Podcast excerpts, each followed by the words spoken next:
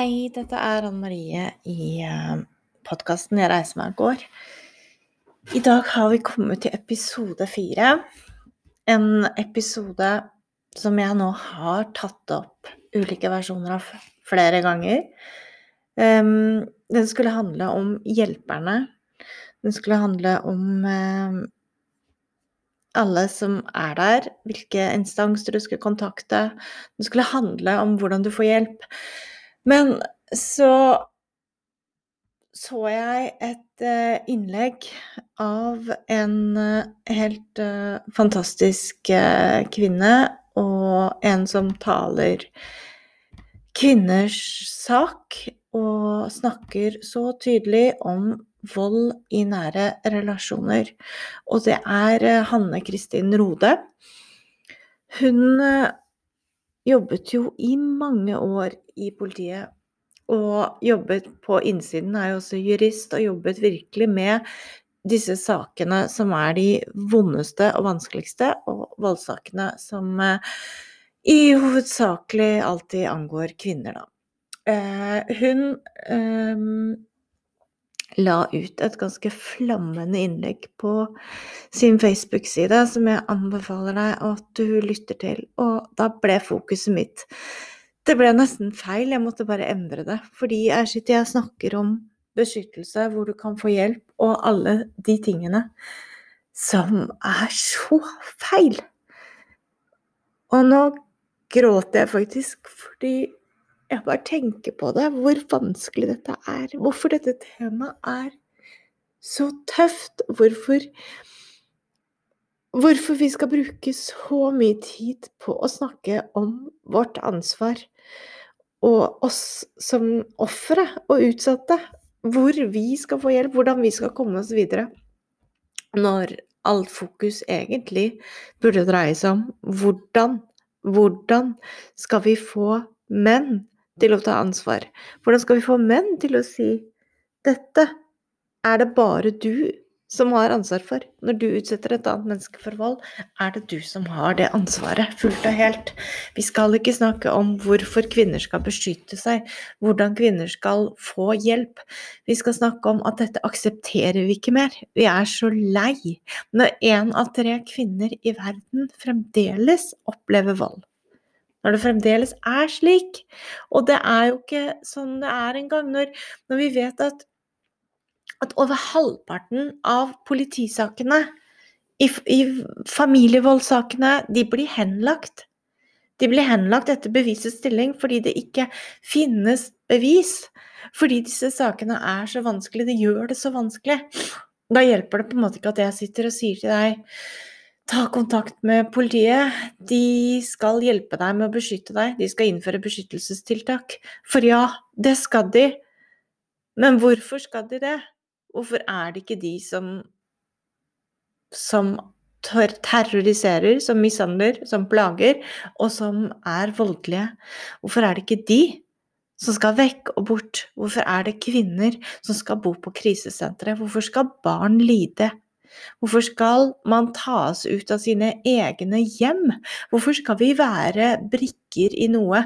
Hvorfor skal jeg være der at jeg fremdeles i dag flere år etter. Etter at min også sak ble henlagt etter bevisets stilling. Hvorfor skal jeg fremdeles være sånn at jeg ikke vil fronte hvor jeg bor, hvem jeg er, at jeg tenker at jeg er redd fremdeles, for det er jeg.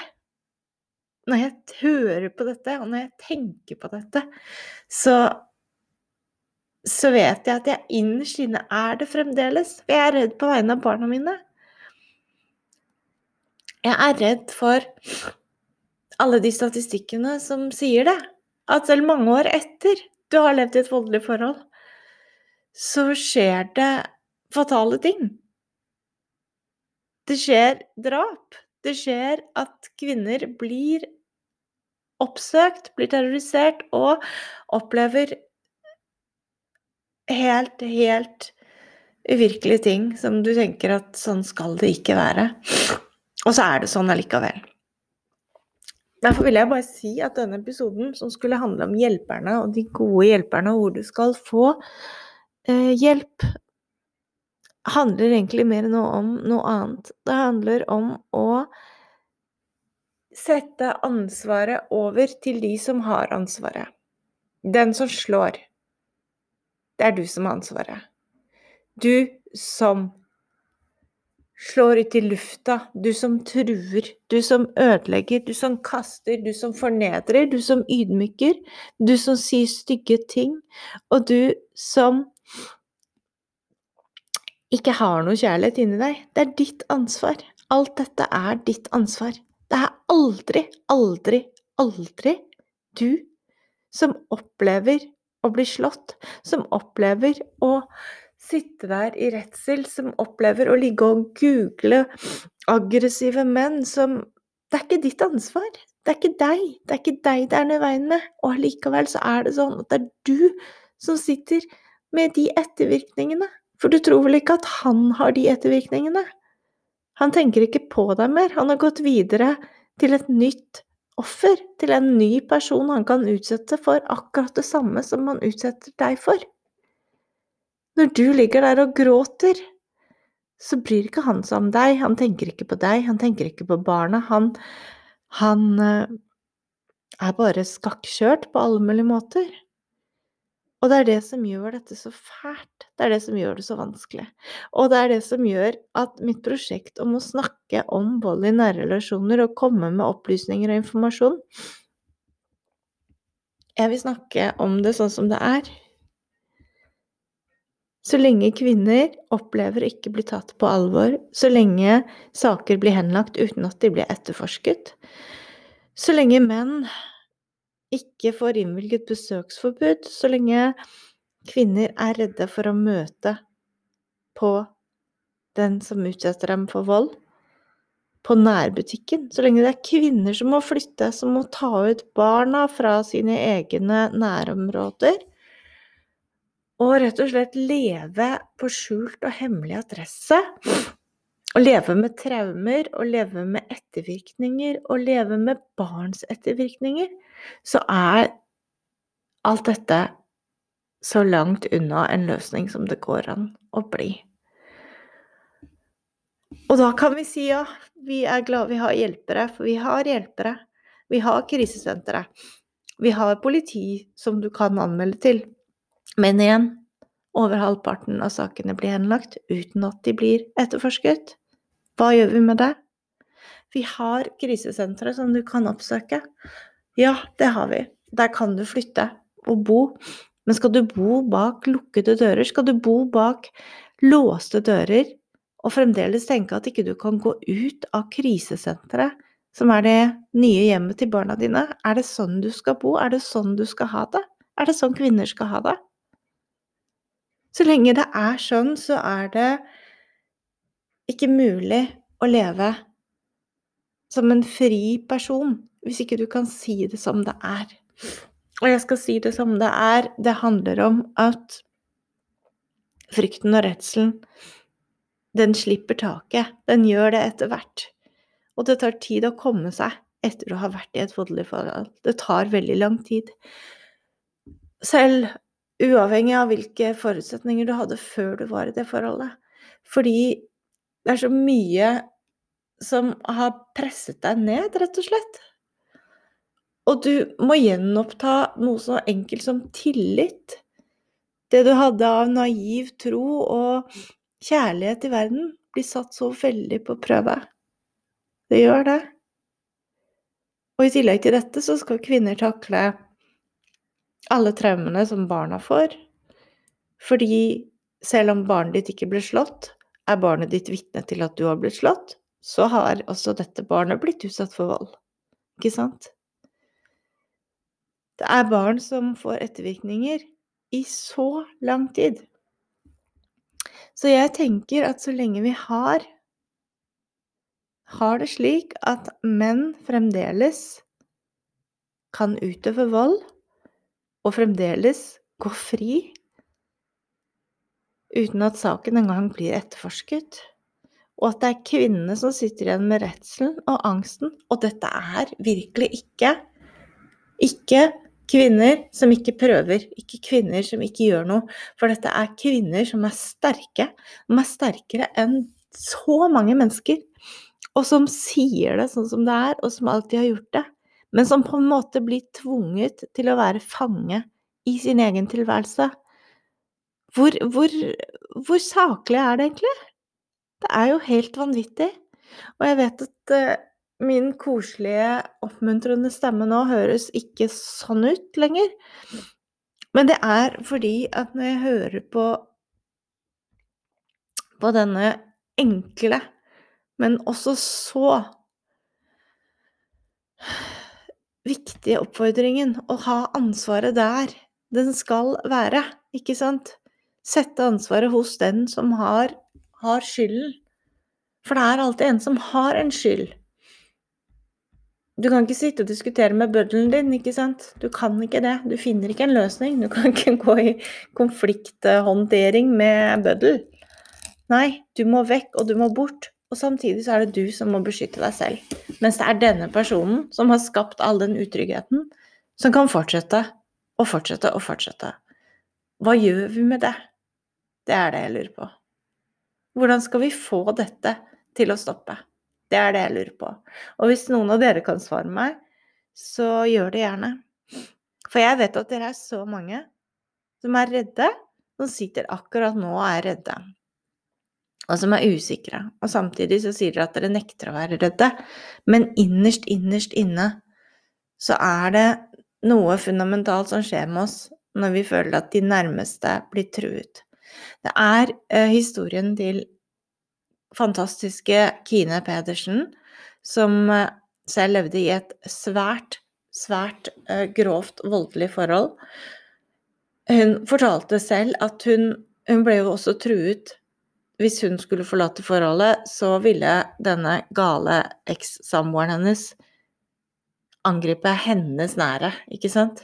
Så det er noe med det at når du hele tiden opplever trusler, handler det ikke om at ikke du skjønner at du må gå. Selvfølgelig skjønner du det. Men hvis du får høre at jeg kommer til å drepe søsteren din, gjør du det da? Går du da? Så tenker du at uh, det gjør han sikkert ikke, når du vet hvor gæren han er. Ikke sant? Det er disse tingene her det her handler om. Ja, sorry, dette ble ikke episoden som det skulle bli, men det skulle handle om hjelperne. Um, og vet du hvem hjelperne er? Det er um, det er, det er faktisk oss kvinner. Det er fellesskapet. Det er alle oss kvinner som har opplevd vold. At vi faktisk står sammen og vet hva det er, og går sammen og sier at nok er nok. For vi vil ikke ha det sånn mer. Vi vil ikke ha det sånn at det er vi som må leve i hemmelig, skjult adresse, holde oss borte fra offentlighet, ikke ta plass. Fordi Fordi hva da? Fordi at vi fremdeles er redde. Sånn skal vi ikke ha det. Det er de mennene som utsetter oss for den faren som skal vekk, som skal bort, som ikke skal være her, som ikke skal ha krav på å gå fritt på gata, som ikke skal ha mulighet til å fortsette å terrorisere flere nye ofre, utsatte, andre kvinner. De går i en sånn evig ond spiral av en sirkel som bare ikke funker. Det funker ikke mer, og vi vil ikke ha det. Jeg orker ikke å sitte og si at alt ordner seg, alt blir fint. For jo, det ordner seg, livet går videre. Men vi er ikke med um, sånn som alle driver med, sånn koronategninger med regnbuer, alt blir bra. Vi er ikke der så lenge ikke det gjøres noe høyere opp. Så lenge ikke vi snakker om vold i nære relasjoner, så lenge ikke vi setter oss ned og sier hvem som har ansvaret. Jeg orker ikke å høre og lese eller, eller bare liksom tenke på de sakene en gang lenger, hvor kvinner fortsatt blir eh, mer eller mindre de som har skylden for at de blir utsatt for vold. Hva er det for noe? Fordi du har et skjørt som er kort, fordi du har drukket deg litt full, fordi du smiler, fordi du har på deg leppestift, så sier du vær så god, voldta meg, overfall meg, mishandle meg, fordi du hadde evnen til å bli forelska, se et annet menneske, til å bli revet med, til å bare ha det fint. Og så viste det seg at denne personen som du ble forelska i, ikke var den personen som du ble forelska i, men at han endra seg, at han ikke hadde noe kjærlighet for deg, at han bare brukte deg, at han sakte, men sikkert begynte å bryte deg ned, at du ikke skjønte hva som skjedde, fordi du ikke var vant til sånn ondskap. Jeg håper at hvis du er der nå, hvis du er der nå, at du er redd, så kan jeg fortelle deg at alle de du kan kontakte, de er kjempeviktige. Men det viktigste er fellesskapet og nettverket og mennesker rundt deg. At du har venner, at du har familie, at du har noen du stoler på. At du har noen som kan jorde deg, på en måte. Grounde deg, holde deg nede i en sånn Jeg og vi beskytter deg. Som igjen er det som er så ironisk, for det skal ikke være sånn. Men så blir det sånn likevel. Ikke sant? Fordi du, du må på en måte gjøre det. Fordi du vet ikke hva denne ustabile personen kan finne på å gjøre. Og du har all grunn til å være redd. Og det er det som gjør det så slitsomt. Men hvis du er der nå, da Ok, nå snakker jeg til deg. Ta kontakt med politiet. Gjør det. Ikke møt opp på politivakta. Ring, si at du vil snakke med dem og få råd og anmelde, hvis det er det du vil, fordi du er utsatt for vold. Da får du en time, så blir du tatt inn og må fortelle, komme med din forklaring, må signere på dette, og det kan være ganske tøft. Men eh, du møter allikevel mennesker som vet hva dette er. Allikevel, prøv å ta med deg de detaljene du har. Hvis du har noe bevis, så ta det med deg. Jeg sier ikke at du skal lete etter bevis, men det du har, det kan du ta med deg. Det kan være meldinger, det kan være filmer, det kan være at du har vitner, noen som har sett og opplevd visse ting. For problemene med disse sakene er jo nettopp det, å bli trodd. Kanskje den personen som avhører deg, tror deg, men etterpå så er det igjen det, at du blir trodd, og så skal vi bevise deg. Det skjer dessverre altfor ofte, det at ikke disse sakene blir til straffesaker med dom for eh, gjerningsmannen. Selv om man har utøvd vold i årevis, ikke sant. Um, det er allikevel sånn at du er nødt til å gå igjennom det av den grunn at da viser du hvor du er hen. Da har du også grunn til å få besøksforbud, omvendt voldsalarm, å få en bistandsadvokat og få rettighetene på plass. Det er ikke du som skal leve i denne frykten, derfor må flere vite om det. Det er det som er poenget. Du må bryte tausheten. Så du må til politiet. Du må det. Videre. Hvilke andre instanser er det som hjelper deg? Jo, krisesentrene hjelper deg. Dra til ditt lokale krisesenter. Du kan få eh, juridisk hjelp. Eh, det er tilbud på dagsenter der. Du har selvfølgelig botilbud òg. Du har egentlig alt der, og du har dyktige, kompetente folk. Gjør det. Videre. Uh, du har VO-linjen. Gå inn der. Og, altså vold- og overgrepslinjen. 116006, ring det nummeret. Der er det alltid noen tilgjengelig som du kan snakke med hvis det er noe du lurer på. Du har fastlegen din. Du har helsestasjonen. Du kan bli henvist til en terapeut. Du har lavterskeltilbud hvor du kan komme til ganske fort. Du har en nasjonal veiviser som heter dinutvei.no. Der står det alle hjelpetiltak som finnes i hele landet. Dinutvei.no. Videre så har du eh, frivillige organisasjoner og stiftelser. Du har fantastiske Kine Pedersen, som jeg nevnte tidligere som har eh, dueiermeg.no. Gå inn der. Og der ser du at hun kan eh, Det er et lavterskeltilbud, men hun kan hjelpe deg med ganske så mye og vet alt om hva vold i nære relasjoner er. Videre har du Vi tror deg-stiftelsen, som også er eh, en frivillig organisasjon av June Holm som driver denne, og som også er en kvinne som har opplevd vold, og som har masse kunnskap og kjærlighet og omsorg, og har informasjon hun kan dele med deg. Sjekk det ut. Videre kan du sende meg en melding. Jeg skal gjøre alt jeg kan for å svare deg på det du lurer på. Jeg har vært der. Du kommer deg videre. Dette ordner seg. Det går bra. Det gjør det. Nå ble jeg sånn eh, regnbue. Alt blir bra. Men, men, du må ta dette seriøst, og så må du vite at dette kommer til å ta tid. Det er ikke gjort i en fei. Men det finnes hjelp, OK? Det gjør det.